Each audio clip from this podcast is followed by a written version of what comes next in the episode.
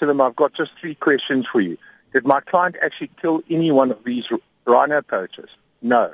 I said, didn't the task Takmak shoot them? Yes. I said, and weren't they armed at the time? Yes. I said, have the Takmak given you statements that they conspired to murder these people so that you have a case in terms of the Riotous Assemblies Act that there's a meeting of the minds for conspiracy to commit murder? He just kept quiet. I said, then don't waste my time. We're not even responding to these allegations. Go ahead. I challenge you to arrest my client. They didn't.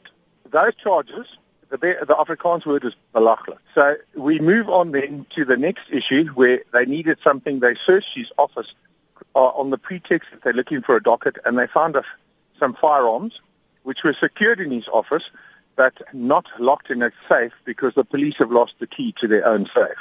He's now being charged for a variety of charges which are drawn up in what can best be described as pidgin English and leave so much to be desired it's astounding. Several of them don't make sense. The one alleges that you failed to lock firearms up in the police register, the SAP 13, which you don't need to do with private firearms. These are firearms he himself was licensing.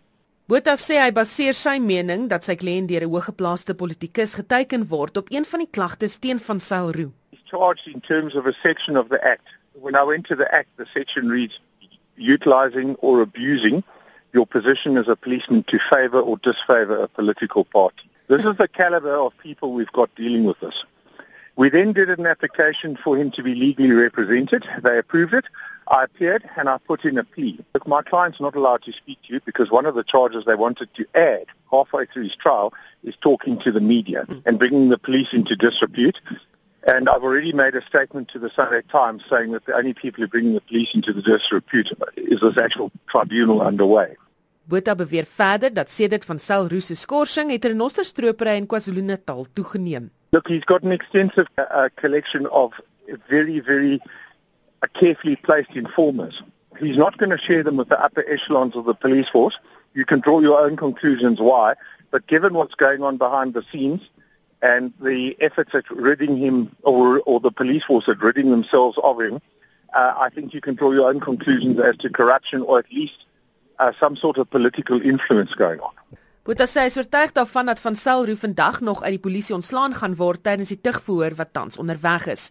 Hy sê van Selroo weet ook wie agter die heksejag op hom is. They were contacted by another journalist who asked me for a quote and the response was a police tribunal uh, a police disciplinary hearing is not a matter for public consumption. I why read not? that. I read why that. Cannot, yes. Why cannot not it not be open and transparent in the spirit of the Constitution, and we can see that justice is being done, because it certainly isn't being done here. Yes, he does. It's a very highly placed ANC politician. I know his name.